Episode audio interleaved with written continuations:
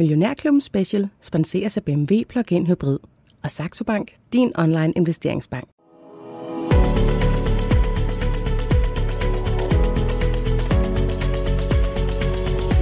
Velkommen til Millionærklubben med Pernille Engård. Novo Nordisk med hovedkvarter i Bagsvær er Skandinaviens mest værdifulde selskab og førende i verden inden for behandling af diabetes. Succesen blev grundlagt for snart 100 år siden, og sammen med administrerende direktør Lars Frogård Jørgensen tegner jeg den næste lille time et billede af Danmarks historiens største erhvervssucces, hvis ikke den største. Velkommen til, Lars Frogård. Tak for det. I begyndelsen af 20'erne, der tager den øh, danske Nobelpristager August Krog til Kanada, hvor man har fundet ud af at producere insulin til behandling af sukkersygen sygdom, mennesket har kæmpet med, kæmpet med i over 3.000 år med dødelig udgang, indtil de to kanadiske læger, Banting og Best, opdager, hvordan insulin kan bruges til behandling af, af sygdommen. August Krog han tager grundopskriften med øh, insulin med hjem til Danmark, og sammen med sin kone Marie, der er læge og forsker, og også har sukkersyge, og så lægen H.C. Hagedorn, der udvikler de deres øh, helt egen metode til at producere et øh, insulinpræparat. Sådan lyder begyndelsen på, på Novos øh, historie, Lars Frogård. Hvordan lyder øh, din begyndelse og din historie i, øh, i Novo Nordisk? Ja, min den starter så nogle år senere, men øh, vi er faktisk en del år tilbage. Den startede i 91 som nyuddannet kantmærk. mærke.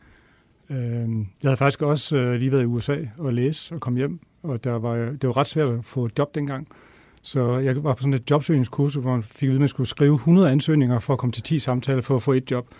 Så jeg skyndte mig at skrive nogle øh, ansøgninger, og jeg var så heldig, at øh, jeg kom til samtale nogle år og med at få et job som nyuddannet økonom øh, i et, et, et trainee-program, øh, sådan et treårigt rotationsprogram. Og det gav en god instruktion til, til virksomheden. Hmm.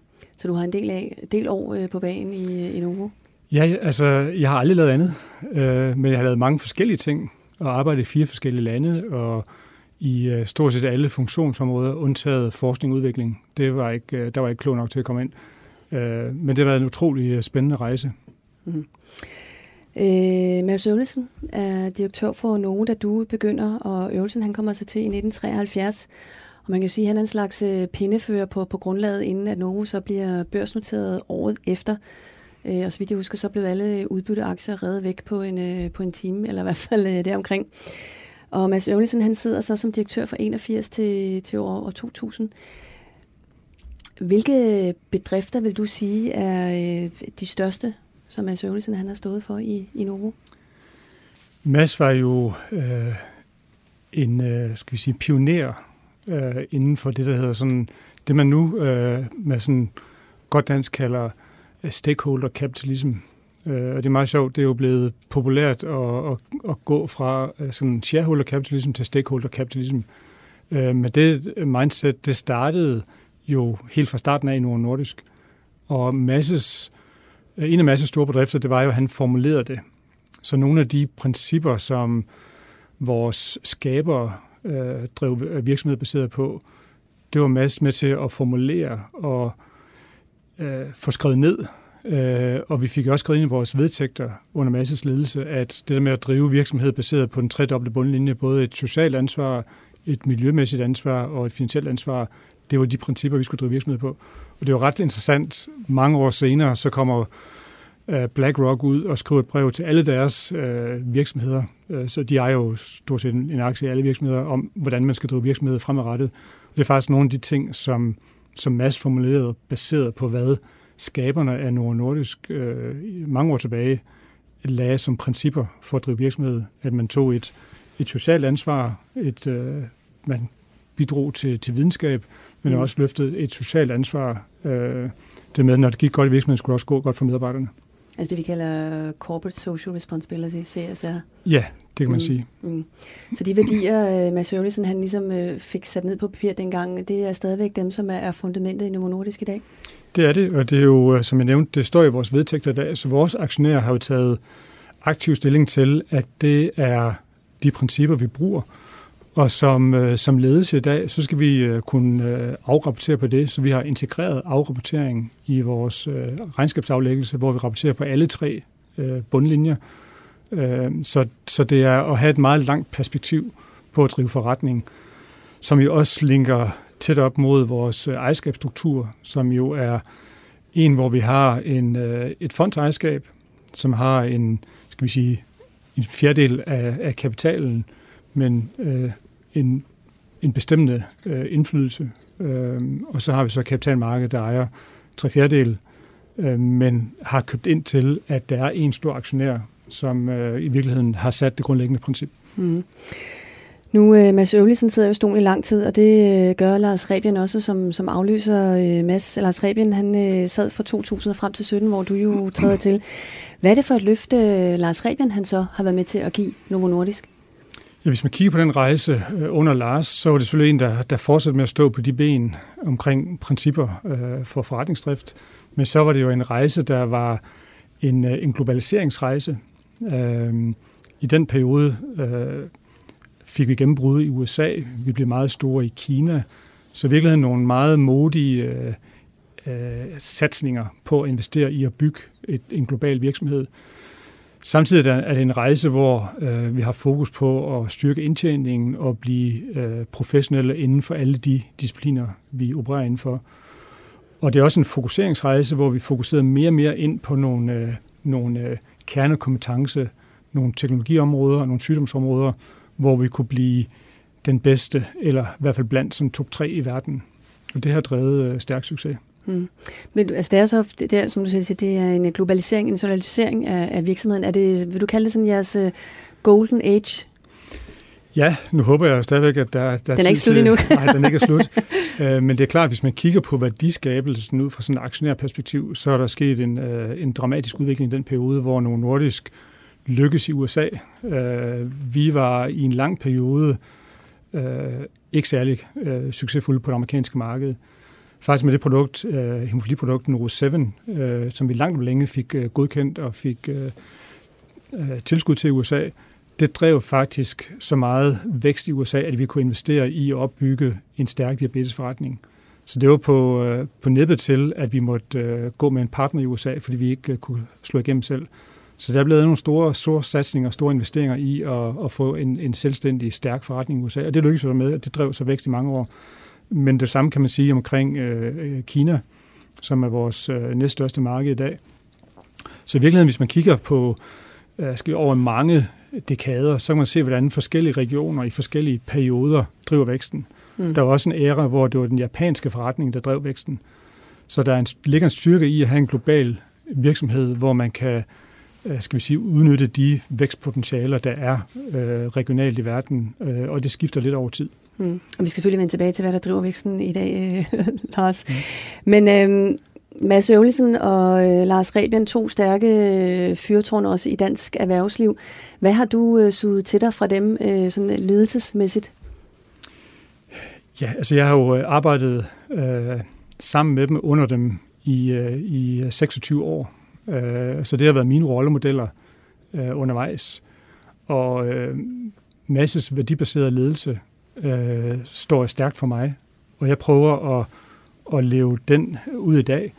Øh, og det kræver jo rigtig meget, øh, skal vi sige, signal fra toppen i en stor global virksomhed med over 40.000 medarbejdere øh, og selvfølgelig en rotation af medarbejdere, at at de værdier, de kommer hele vejen ud til det yderste led i, skal man sige, i Indien eller i, i Latinamerika, at den medarbejder, der træder ind på kontoret om morgenen, eller den sælger, der går ud og taler med en læge, at man kommer med, øh, skal vi sige, øh, etikken, øh, det sociale ansvar, en, en ordentlig, redelig måde at drive forretning på. Mm. Så det, det, det bruger jeg meget. Samtidig så bruger jeg jo den, skal vi sige, det købmandskab, der lå bag at drive øh, væksten og globaliseringen. Et fokus på, hvad, hvor er det, vi kan gøre det godt? Hvor, hvor kan vi være unik bedre end andre? Og så hele tiden sådan lidt øh, skomager blive ved den list, samtidig med, at vi faktisk skal udvikle os og gå ind i nye områder. Så der ligger sådan et skisma i det, at skal vi sige, 100 års fokus på insulin øh, holder nok ikke 200 år. Så det, der har bragt os til, hvor vi er i dag, vil ikke bringe os til, hvor vi skal være om, øh, skal vi sige, de næste 100 år. Mm. Så det er sådan en kombination af at holde fast i og have en styrkeposition, men samtidig åbne op for at prøve nye ting og få bygget nye øh, styrkepositioner til fremtiden. Undskyld, Lars Froger, hvor meget af din tid bruger du på øh, forretningen, som den ser ud lige nu, og så hvordan du gerne vil have den til at se ud om, øh, om 10-15 år? Jeg bruger langt øh, det meste af min tid på at forholde mig til øh, sådan et perspektiv på i hvert fald mindst 10 år. Mm. Og de produkter, vi har nu, de produkter, vi er i gang med at lancere, kommer til at drive væksten de næste 10 år. Så mit, øh, mit fokus det er selvfølgelig at eksekvere godt på det, men det har jeg rigtig gode øh, folk til. Så det er den strategiske rejse, der ligger efter det. Mm. Hvordan får vi skabt den, øh, den infrastruktur, de kompetencer, øh, de teknologier, der gør, at også når man kommer ind i 30'erne og 40'erne, så er der et stærkt Novo der, der fortsat vokser. Er det en erkendelse som leder, du har haft fra start at sige, det er sådan her, at øh, jeg skal drive den her butik, eller det er noget, der er, er kommet til dig af år? Det er jo, altså ledelse er jo en, øh, en stor grad en funktion af den øh, tid, øh, du er i, i, i en virksomhedshistorie. Og en virksomhed øh, går igennem forskellige faser. Øh, og da jeg gik på Handelskolen, var der en, en bog, Chris Agaris, der handlede omkring, hvordan en virksomhed går igennem forskellige faser, og mellem hver fase er der en krise. Og det er, hvordan man håndterer den krise, der definerer succesen i den næste fase. Og man kan sige, jeg, jeg tog ledelsen over på et tidspunkt, hvor der skete øh, nogle markante skift i det amerikanske marked på prisstruktur inden for insulin. Det var det, der, det vi led af. Men samtidig var jeg jo øh, meget taknemmelig over, at øh, den tidligere ledelse havde sørget for at få udviklet øh, et, øh, et molekyle, der hedder semaglutid, som driver utrolig meget vægt i dag. Så forståelsen af, hvor er det virksomheden er, og hvad skal man, hvad skal man gøre for at komme igennem den næste fase, det er ekstremt vigtigt som, som topchef, at man ikke sidder og, og skal vi sige, laver daglig håndstyring af organisationen, fordi så bliver man meget hurtigt fartblind, og det er der andre, der kan gøre bedre, men virkelig har det lange perspektiv på, og nogle helt grundlæggende principper omkring, hvad der driver, hvad der driver vækst. Mm. Øh, og så skal man så sørge for, at man har så organiseret øh, omkring det, og allokere ressourcer og øh, organisere sig øh, for at få det til at ske. Nu er det blevet kåret som årets øh, administrerende direktør her i Danmark af ledernes hovedorganisation. Det vender vi lidt uh, tilbage til, Lars Fruger. Jeg godt tænke mig at tale lidt om, om markedet, jeres, mm. jeres forretning. Der er omkring 460 millioner mennesker, der i dag, altså i hele verden, der lever med diabetes. Det må svare til nogenlunde til det samlede indbyggertal i EU. Mm. Øhm, for Ja, det var i 2000, der var tallet 150 millioner, og jeg mener, det er i, i 2045, vi skal ramme de, de 700 millioner. Hvor mange diabetikere verden over er, er Novo med til at, at behandle? Det er jo øh, desværre, kan man sige, en meget, meget lille del. Så vi behandler måske øh, lige knap 30 millioner af dem. Så under, under 10 procent af dem, der er diagnostiseret i dag. Så det fortæller jo, at der er en utrolig stor opgave i faktisk at få øh, hjulpet med at få øh, diagnostiseret tidligere. Øh, for det er sådan, når man får diabetes, så ender man med at skal vi sige, stresse sit øh, hjertekarsystem, system, og, og det leder til nogle følgesygdomme, som kan være øh, altså livstruende. Øh, så der, der er god grund til at behandle diabetes tidligt. Og der må, man, der må man bare konstatere, at vi langt fra har gjort øh, det godt nok. Men det er vel ikke kun jer? Altså jeg tænker jo straks, fordi når I har ikke stor markedsandel, fordi der er en masse konkurrenter, konkurrenter derude, men det er simpelthen fordi, I ikke har fat i, i patienterne, eller fat i dem tidligt nok? Mange af de øh, skal vi sige 460 millioner, der har diabetes i dag, mange af dem ved ikke, de har det. Så måske halvdelen er klar over, at de har det. Og af dem, der så er klar over, at de, de har diabetes, så er der måske kun halvdelen igen, der, der bliver behandlet. Øh, så hvis man begynder at kigge på, hvor mange af dem, der får behandling, der faktisk kommer i god kontrol, så er faktisk nede i en meget lille andel af de 460 millioner mennesker, der faktisk er i så god kontrol, at de undgår risikoen for at miste synet, eller skal have amputeret ben, eller, eller dø i hjertekarsygdom. Så derfor har vi jo en, øh, en, en strategi om både at forbedre behandlingsmetoderne, men også sikre os, at der er flere, der får adgang til medicin, men selvfølgelig også en forebyggelsesagenda, at øh, man kan undgå, at man får den. Type 2-diabetes mm. er jo en livsstilsrelateret sygdom, så den kan faktisk forebygges. Så øh, behandlingsforløbet, hvordan ser det typisk ud hos en, øh, en patient, der så er blevet diagnostiseret med, med sukkersyge? Det afhænger lidt af, om man får type 1 eller type 2 diabetes. Hvis man får type 1 diabetes, som øh, er, er den skal vi sige, sygdom, man kendte for mange år siden, det er en autoimmun sygdom, hvor i løbet af meget kort tid holder man selv op med at producere insulin. Og det vil sige, at hvis, øh, hvis man ikke får øh, så øh, injiceret insulin, så ender man faktisk med at dø af insulinmangel. Øh, så det finder man ret hurtigt ud af, at man har den sygdom. Typisk øh, kommer folk på hospitalet, og så lave nogle simple tester, så finder man ud af, at du har type 1 diabetes, du skal have insulin, og så får man insulin, og så kan man faktisk leve et, øh, et normalt liv øh, med det, hvis man er, er heldig at bo i den vestlige del af verden.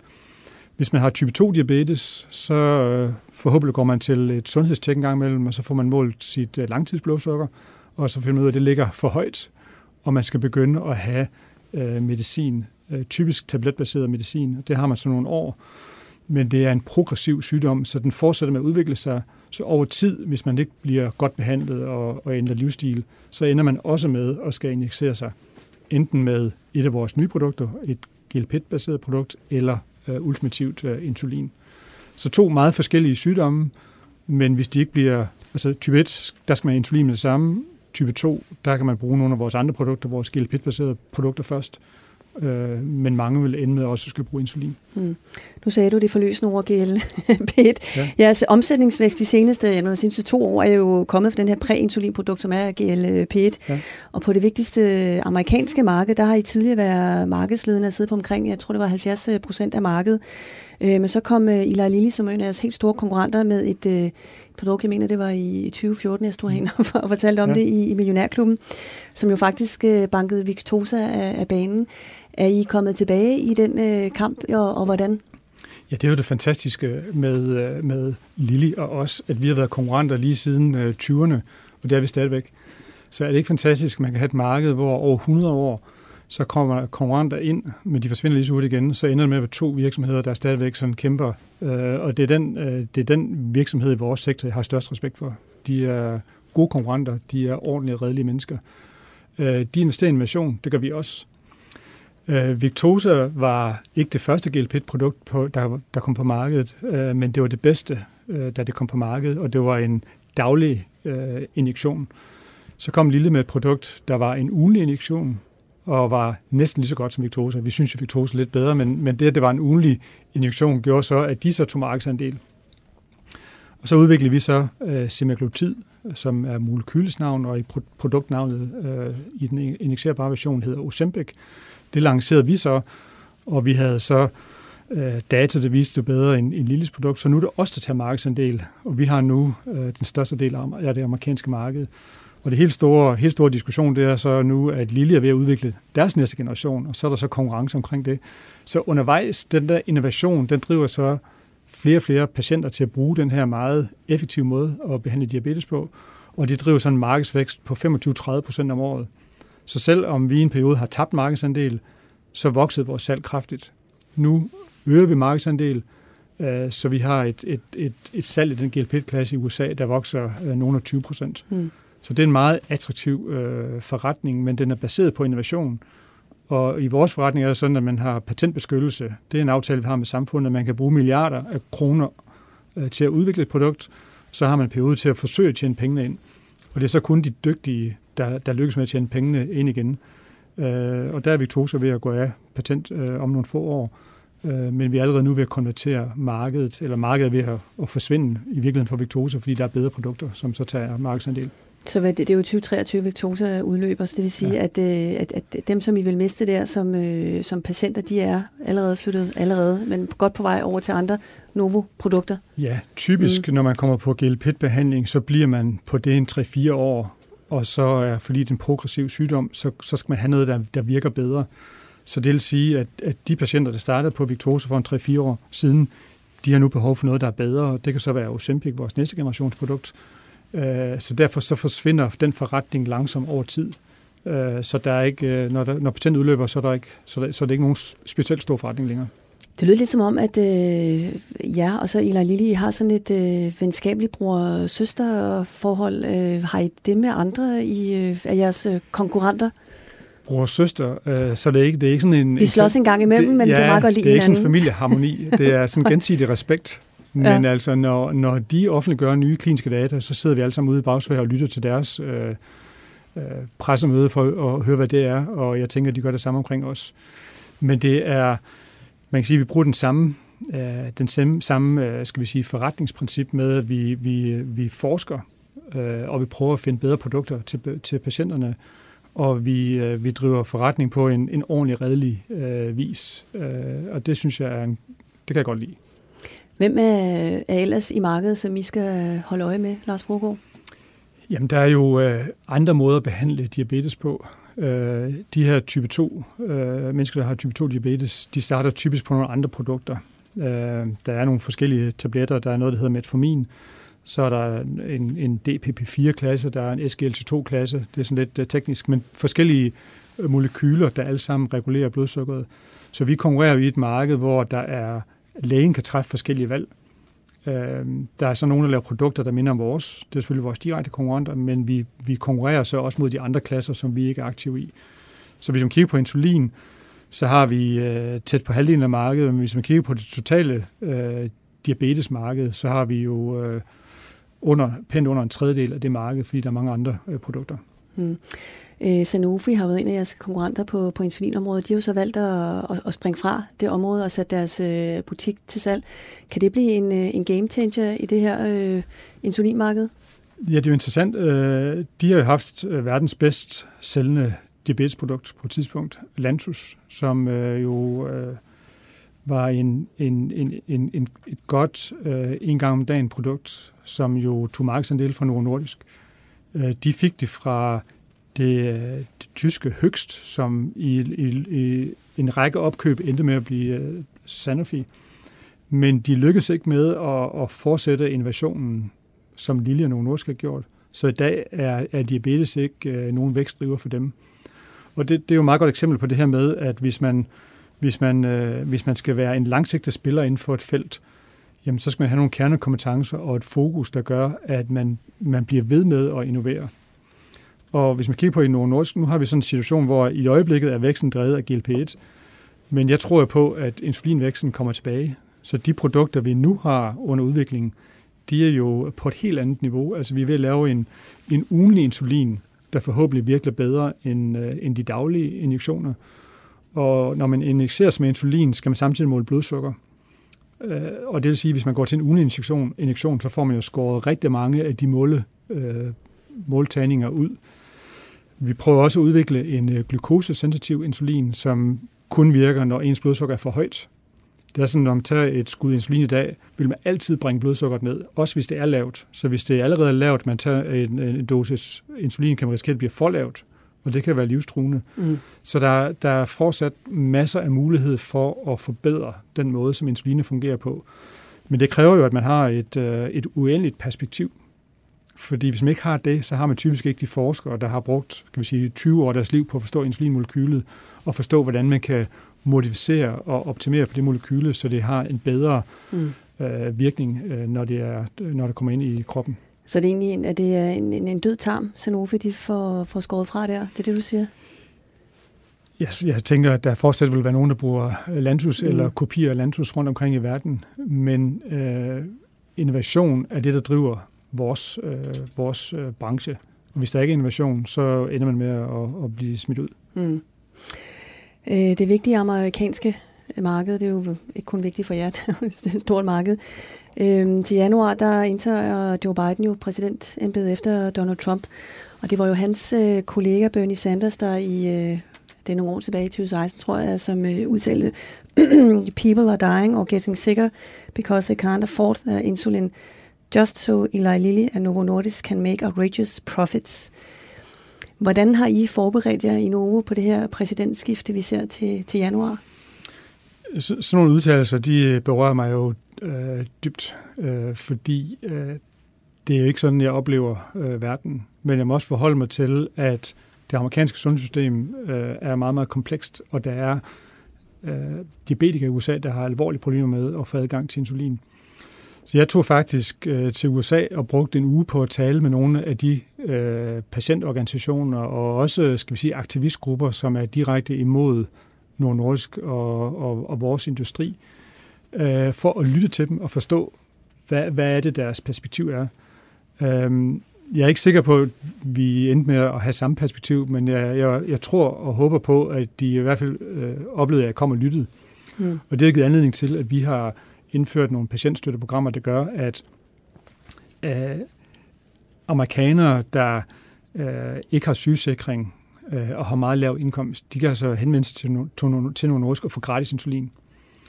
Så, så det er ret interessant, du har øh, det land i verden med den højeste GDP per indbygger, altså verdens rigeste land, men samtidig er det også det eneste land i verden, hvor vi giver vores produkter gratis. Så, så, så det fortæller lidt om, at, at de kontraster, der er i USA, hvor at sygesikring er et privat anlæggende, øh, hvis man har et godt job, så kan man være heldig for sygesikring, så der er nogen, der betaler for det. Men hvis man ikke har et godt job, eller man er selvstændig, så er man, øh, så er man sin egen lykkes med. Mm. Og der er så en, en, øh, skal vi sige, en infrastruktur eller en supply chain, hvor at vi sælger vores produkt til nogle indkøbere, som øh, tjener penge på at få en margin. Altså, de skal have nogle rabatter. Øh, og hvis man henvender sig på apoteket og så skal købe et produkt, og ikke har en forsikring, så får man altså ikke adgang til den rabat, vi har betalt, så må man betale listeprisen. Så, så der, der er patienter, der betaler fire gange prisen for deres insulin, som vi får. Øh, og så, så altså nogle af os, der har stået for at udvikle, producere og distribuere og markedsføre produktet, hvis vi får, øh, altså vi får kun en fjerdedel af, hvad øh, nogen forbrugere bliver bedt om at betale. Så derfor så har, tager vi et medansvar for at, at, at hjælpe de patienter. Mm. Det oplever jeg, at politikerne rent faktisk øh, begynder at forstå. Øh, fordi der, er jo, der mangler ikke politikere, der har øh, forsøgt at gøre noget ved det her system, men de finder ud af, at hvis man skal gøre noget ved det, hvis man skal flytte den rabat ud til patienten, så går det jo fra øh, også det offentlige budget, fordi de rabatter, vi betaler, bliver brugt til at finansiere øh, også øh, offentlig øh, sundhedssikring. Så det er et meget, meget komplekst system, der er svært at løse op på. Så de næste spørgsmål er sikkert, hvad, så, hvad, kommer, hvad kommer Biden til at gøre? Biden lever med, det samme, med den samme strukturelle udfordring, som, øh, som Trump øh, har gjort. Øh, og der skår der ikke, der skår der ikke på, på initiativer, men der er ikke sket store forandringer. så, så det, der er sket, det er, at virksomheden tager et større medansvar for, for de svageste patienter. Øh, jeg tror ikke, der kommer massiv strukturel forandring, fordi det er i bund og grund et privat sundhedsmarked. Hvor vigtigt er det for dig, eh, Lars Fruergaard, når, når der sker sådan en ting, at, at du selv personligt tager, tager action på det? Du kunne også have sendt eh, direktøren for den, øh, den amerikanske selskab afsted for at, at tage den her dialog. Er det, er det typisk for dig, at du føler, at du ligesom selv må drage i felten? Ja, det er, det er ekstremt vigtigt for mig at forstå det. Altså, øh, jeg bruger meget, når jeg kommunikerer internt, bruger jeg meget tid på at få folk til at reflektere omkring det at lytte som chef. Øh, man kan meget nemt som stor, succesfuld virksomhed få en, en, en virksomhedsopfattelse, der står lidt i kontrast, kontrast, kontrast til, hvad andre synes. Mm. Så det med at komme ud øh, i frontlinjen og så faktisk lytte og forstå, det er vigtigt for mig. Men det sender selvfølgelig også et kraftigt signal til hele organisationen, hvad vi, øh, hvad vi står for som, som virksomhed. Millionærklubben Special sponseres af BMW Plug-in Hybrid og Saxo Bank, din online investeringsbank. Her i, i 2020, som jo har været et øh, fuldstændig vanvittigt år øh, på rigtig, rigtig mange mhm. områder, mm. der har I jo brugt øh, knap 25 milliarder kroner på at, at købe andre øh, selskaber.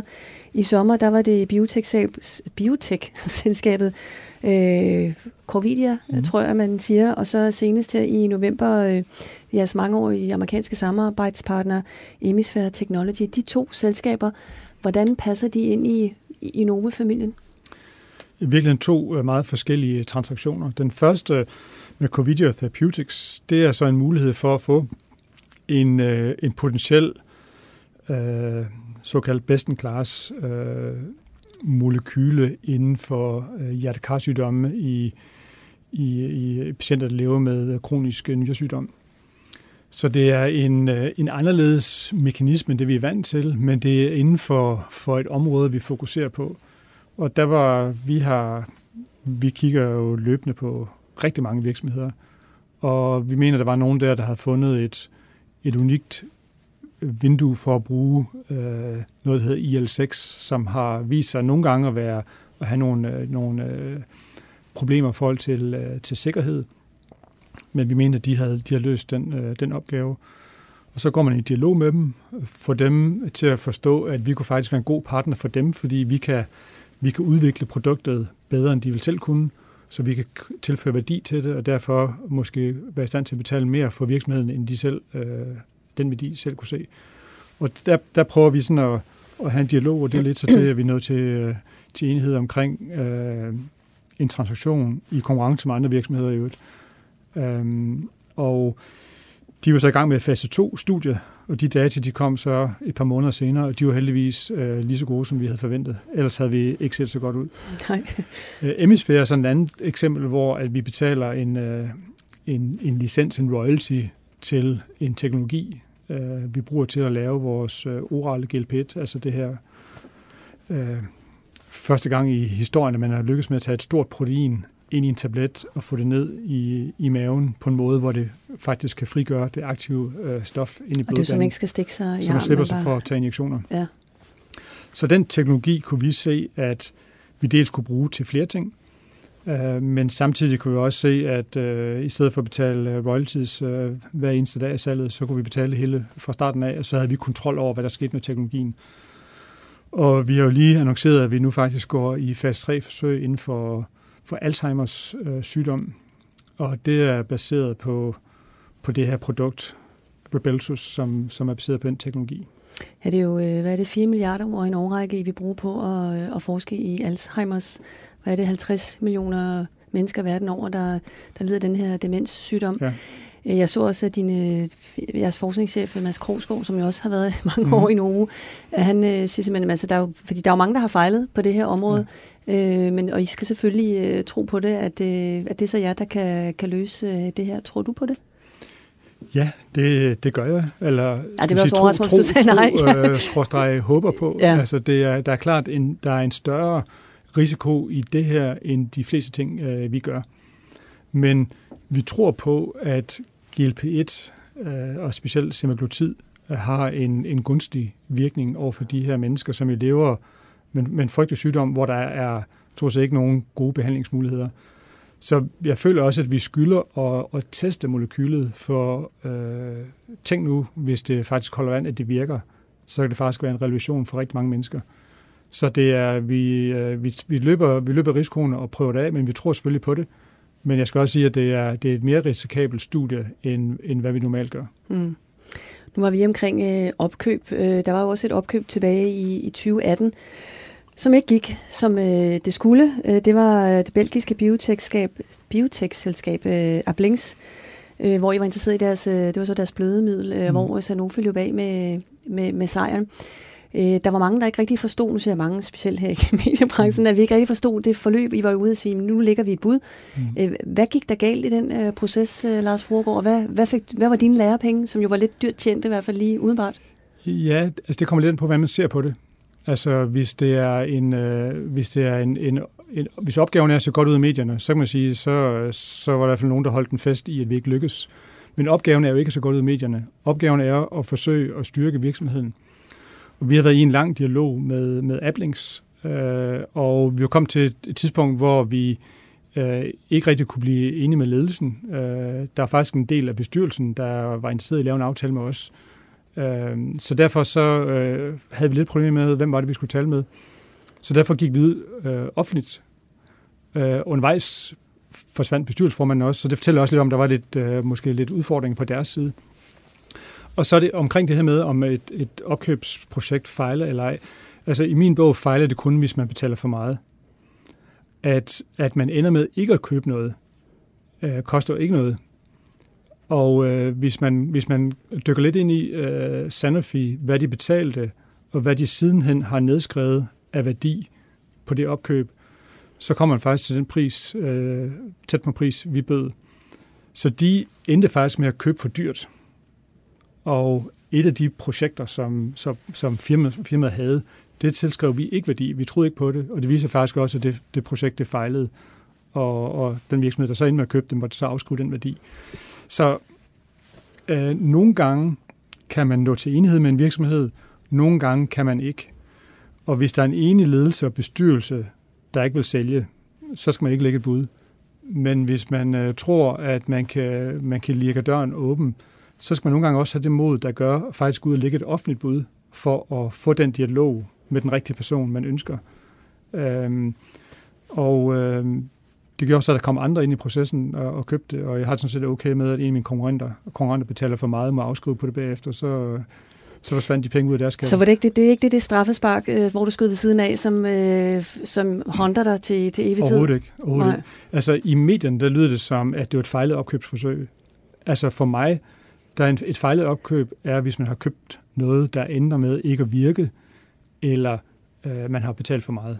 Nå, men det, jeg mener også, det er jo ikke den brik, du mangler Nej, i dag. det er det ikke. Nej. Det er det ikke. Altså, vi vil gerne styrke vores øh, såkaldte biofarmforretning ved at købe nogle øh, bløde produkter eller andre øh, produkter til den forretning, og det, det kigger vi efter løbende.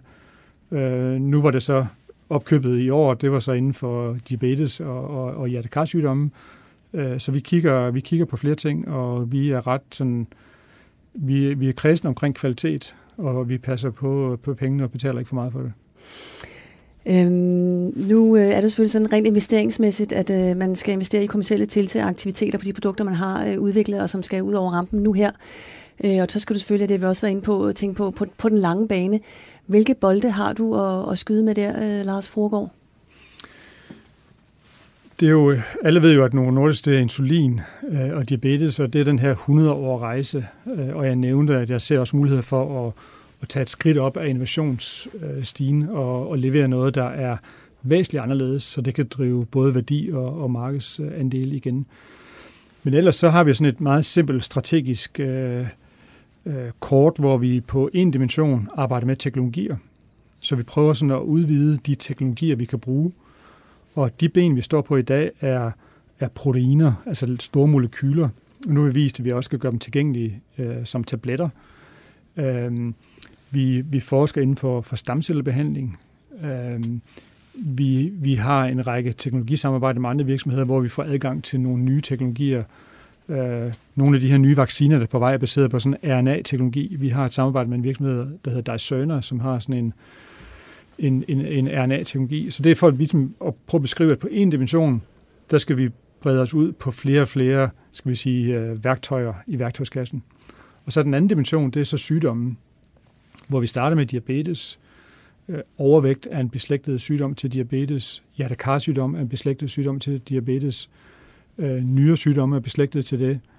Så der er noget biologi og overlap blandt de læger, der behandler dem. Vi har så også vores bløder forretning, og der er nogle, en række beslægtede sygdomme til det. Så vi har sådan et strategisk kort, hvor vi har teknologier og sygdomme, som vi kender godt. Og så prøver vi så at skabe flere optioner fremad, end vi har været eksponeret for øh, tidligere. Og det var det, jeg var lidt ind på før. Det er sådan et skisma i Nord Nordisk, hvor vi historisk har, har vist, at hver gang vi fokuserede, blev vi stærkere. Men vi blev nødt til at brede os ud. Så nu breder vi os ud over en, en række ting, og så tænker jeg, at der kommer en periode, hvor vi skal konsolidere på noget af det, der så viser sig at virke godt. Øh, og det er tilbage det der med, at en virksomhed går igennem forskellige faser, og det er omkring at, at, at bygge optioner og fokusere på det, der virker øh, i, i sådan nogle, nogle bølger, mm. der i vores branche er øh, måske 10-årige perioder. Nu er det her program jo sådan ud af vores, vores daglige sfære her i Millionærklubben, og ja, PT, det der hedder silence-periode, altså det der, hvor I rigtig må sige noget frem til jeres, øh, til jeres regnskab. Ja. Øh, så derfor går vi ikke helt til bidet i øh, den, men historien er jo også, øh, det er jo Danmarks historie, så ja. den, øh, den snak tager vi. Men Lars Frogård, da du overtager øh, posten der ved overskiftet til 2017, så er det jo efter et øh, historisk dårligt 2016 i, i Novo, det kan jeg da i hvert fald øh, huske, ja. med, med nedjusteringer og tab til jeres øh, aktionærer. Øhm, de år, du har nu har under bæltet som, øh, som, som direktør, et, øh, ikke sådan, hvordan synes du selv, det er gået, men hvor har dit fokus været som, som leder igennem øh, de år? Hvordan har du sat dit præg på, på kulturen i Novo? Ja. Så jeg, jeg diskuterede en plan med bestyrelsen, som indeholdt tre, tre elementer. Det ene var, at vi skulle styrke kommercialiseringen af vores produkter. Vi har tabt markedsandele i mange år, og hvis vi har gennemført studier, der viser, at vores produkter er bedre, end hvad konkurrenten har, vi har kørt sådan nogle head-to-head trials, altså, simpelthen altså studeret produkter direkte op mod konkurrensprodukter, og vi vidste, at vi havde bedre produkter, så er det ikke okay, at man taber markedsandel. Så, så, så en, en strategisk prioritet har været, været og, og i talsæt over for en kommersiel organisation, øh, det der skisme om, hvorfor tager vi markedsandel, hvis vi har bedre produkter? Så hvordan kan vi blive bedre til at sælge dem? Hvordan kan vi give mere øh, bemyndigelse til de enkelte lande i faktisk at vinde lokalt? Så det er en ting. Og det andet er så, at når der kommer prispres, så er det typisk fordi, at der er valg mellem produkter. Altså der er lignende produkter, man kan, som køberne kan spille producenterne ud mod hinanden med. Så det andet strategisk prioritet var at løfte innovationshøjden. Altså turde gøre noget, der var sværere velvidende, at man så typisk øh, også fejler mere på vejen. Og der kan man sige, at Applings var faktisk et øh, eksempel på, at Tur gør noget, uden at vide, at man kunne levere det. Og så den tredje prioritet var så at, at, at, at udvikle vores kultur, kultur til bedre at håndtere de to ting. Så hvis man kigger på det kommercielle, øh, nogle år er en meget videnskabelig øh, virksomhed, og hvor selv var rigtig gode til, øh, skal vi sige, øh, det videnskabelige. Men man skal også forstå, hvordan man lukker et, et salgspitch ude ved en læge, og sige til lægen, prøv at høre, jeg så, du havde nogle patienter til at sidde og vente på dig. Vi har faktisk nogle produkter her, der reducerer risikoen for at få for lavt blodsukker. Og det har vi vist i, øh, i, i clinical trials. Det står på indlægssedlen. Har du tænkt dig at give det til patienten? Når jeg kommer tilbage, så vil jeg gerne høre næste gang, hvor mange egentlig fik det. I stedet for at komme ud i en lang teoretisk diskussion omkring, hvordan det der produkt virker. Øh, det skal også til, men man skal, man skal forstå og, og flytte øh, adfærd hos en læge. Og det gør vi i virkeligheden for patientens skyld, for vi har haft patienter i klinisk afprøvning og vist, at det var bedre. Så skal vi skylde dem også bagefter og få produktet i, øh, i, øh, i hånden af den patient. Mm. Det der med at løfte innovationshøjden, det er noget med at kunne øh, acceptere fejl. Hvis vi mange år har gjort mere det samme, selvfølgelig bedre og bedre produkter, vi har fejlet mindre end industrien i gennemsnit.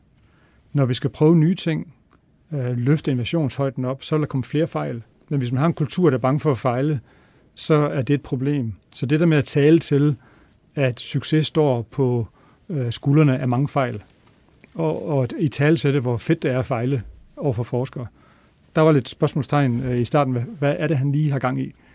Øh, men hvis man kigger på de ting, vi gør nu, nu tør vi faktisk altså gå efter den ugenlige insulin, den glukosesensitive insulin, velvidende, at det er meget sværere, end det vi gjorde før. Så den der fokus på nogle meget simple øh, strategiske prioriteter, og så forstå, hvordan vi tilpasser kulturen øh, for bedre at lykkes med det. Det er sådan alt simpelthen, hvad jeg har brugt de sidste fire år på. Jeg synes også, jeg hører meget øh, mod, både hos dig og, og i organisationen, for det kræver det jo, når man skal sige, okay, det, det er okay at fejle, og jeg kan se på min CEO, at det, øh, at det gør han også, så det må jeg også gerne. Ja.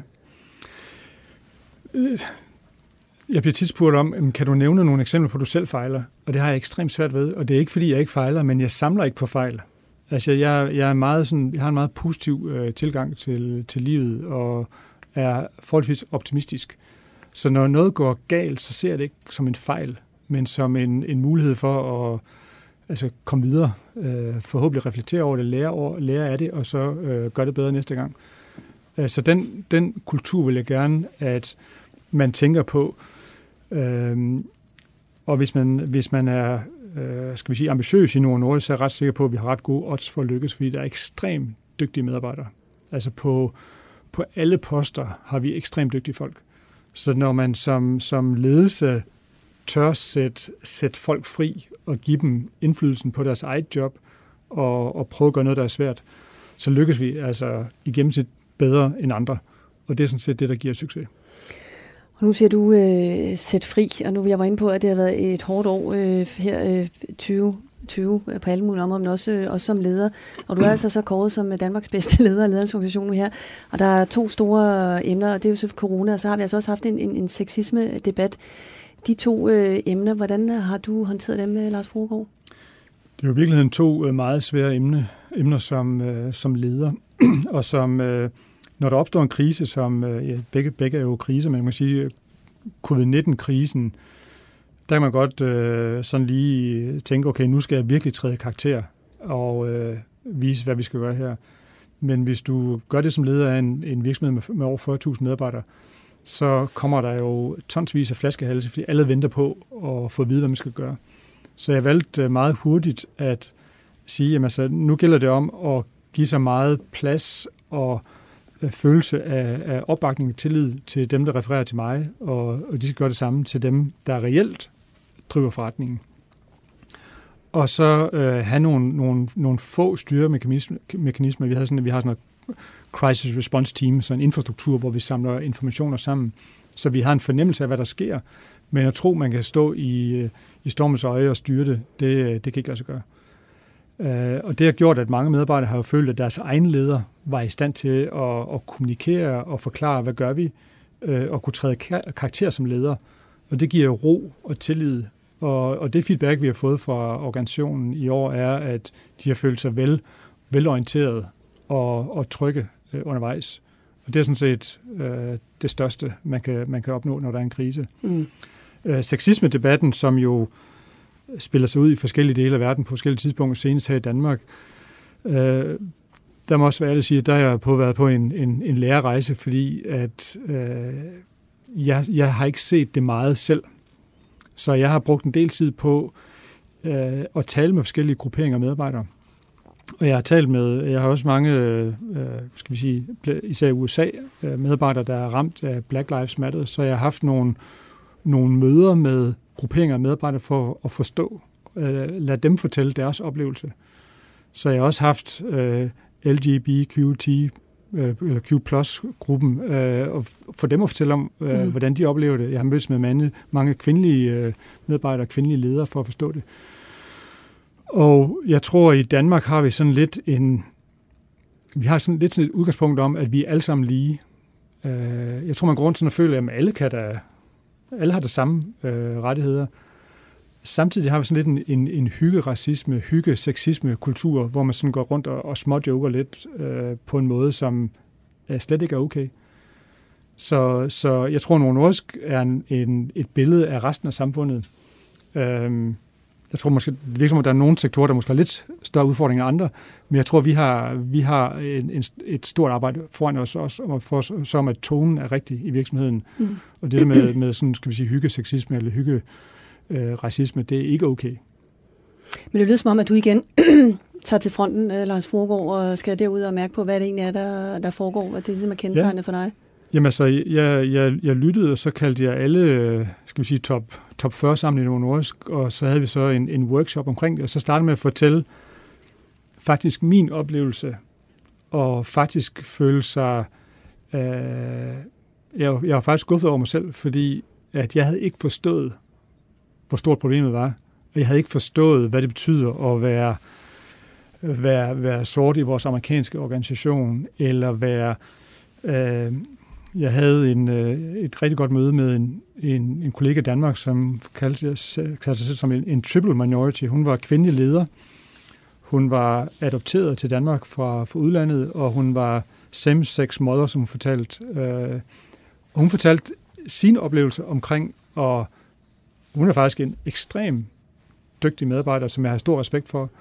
Og jeg har aldrig tænkt på øh, de ting, hun blev udsat for så foran top 30-40 stykker fortælle omkring, hvordan jeg faktisk øh, skammede mig over, hvordan jeg havde udført mit lederskab, og hvordan jeg ikke havde set hende. Og øh, holdt en, en pause og lod folk tænke over, hvor godt de forstod den problemstilling selv. Så det, det er sådan noget, der betyder meget for mig, at jeg fortæller, hvordan jeg selv oplever det, og lader andre reflektere over, hvordan, øh, hvordan de udfor, ud, udlever den del af ledelsesopgaven. Mm. Nu øh, ved jeg, at jeg er gået over tid med den podcast, så jeg kan selv bestemme, hvornår jeg slutter. Men mm. et, et sidste spørgsmål, øh, Lars Brogaard Jørgensen. Nu øh, har vi jo været, dine to forgængere har siddet der i forholdsvis øh, lang tid, med Øvlesen og Lars Rebien. Hvis du sådan øh, selv kunne bestemme, hvad skal dit øh, sidste kapitel i Novo så handle om? Jeg er lidt inde på, at den tidligere ledelse under Lars Rebien har jo afleveret semaglutid til den nuværende ledelse. Så øh, jeg ser min, min opgave er jo at sørge for, at når jeg endda ikke længere skal stå i spidsen af Nordisk, så er der ligger så mange guldæg i kurven, at den, den nye ledelse kan få en, øh, en god start, øh, som okay, ja, der, var en, der var lidt udfordrende i starten jeg tror, men, men molekylerne til at drive væksten var der. Øh, så det er hele tiden det mindset, man skal have i en virksomhed, hvor produkter typisk har, skal vi sige, 10-15 år på markedet hele tiden at, at genopdage sig selv, og hele tiden øh, øh, lade innovationen øh, få, øh, få gode vækstvilkår. Lars Fogre Jørgensen, det har været en stor fornøjelse at have dig med i studiet. Tak for din tid, og så tak til jer, der lyttede med og på genhør. Millionærklubben Special sponseres af BMW Plug-in Hybrid og Saxo Bank, din online investeringsbank.